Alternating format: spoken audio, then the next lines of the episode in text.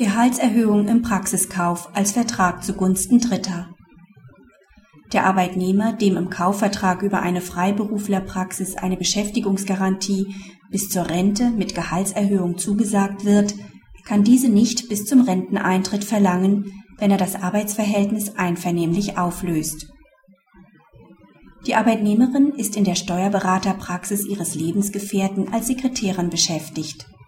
Als dieser von seiner unheilbaren Krankheit erfährt, entschließt er sich zum Verkauf seiner Praxis.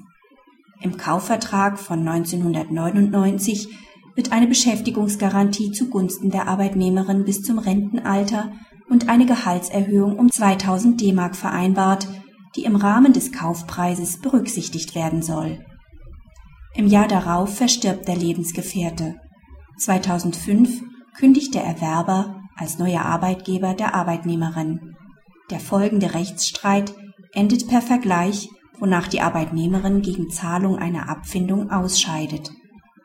Die Arbeitnehmerin ist der Auffassung, dass ihr zusätzlich bis zum Renteneintritt monatlich 1022 Euro und 58 Cent zustehen, da es sich bei diesen Zahlungen nur der Bezeichnung nach um Gehaltszahlungen handelt, denn in Wahrheit sind dies verkappte Ratenzahlungen auf den Kaufpreis für die erworbene Praxis. Das BAG weist die Revision der Arbeitnehmerin zurück. Zwar erwirbt die Arbeitnehmerin aufgrund der gewählten Konstruktion des Praxiskaufvertrags als echter Vertrag zugunsten Dritter unmittelbare Rechte gegen den Erwerber, einen Anspruch auf monatliche Zahlung von 1022 Euro und 58 Cent Unabhängig vom Bestand des Arbeitsverhältnisses hat sie indes nicht. Der Praxiskaufvertrag ist nicht dahingehend zu verstehen.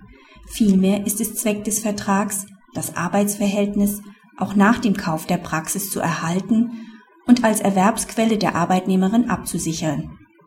Beschäftigungsgarantie und Gehaltserhöhung sind Begriffe aus dem Arbeitsrecht mit feststehender Bedeutung.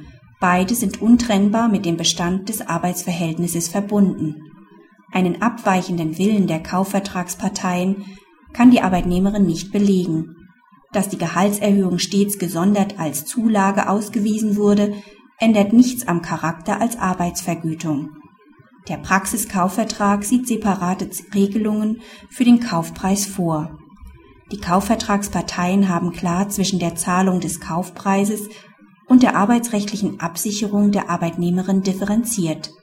Mit dem gerichtlichen Vergleich verzichtet sie freiwillig auf diese Absicherung. Praxishinweis.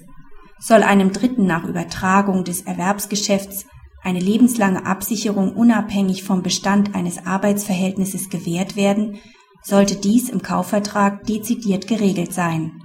Die Auslegung des Vertrags mit vereinbarter Gehaltserhöhung führt sonst zu anderen Ergebnissen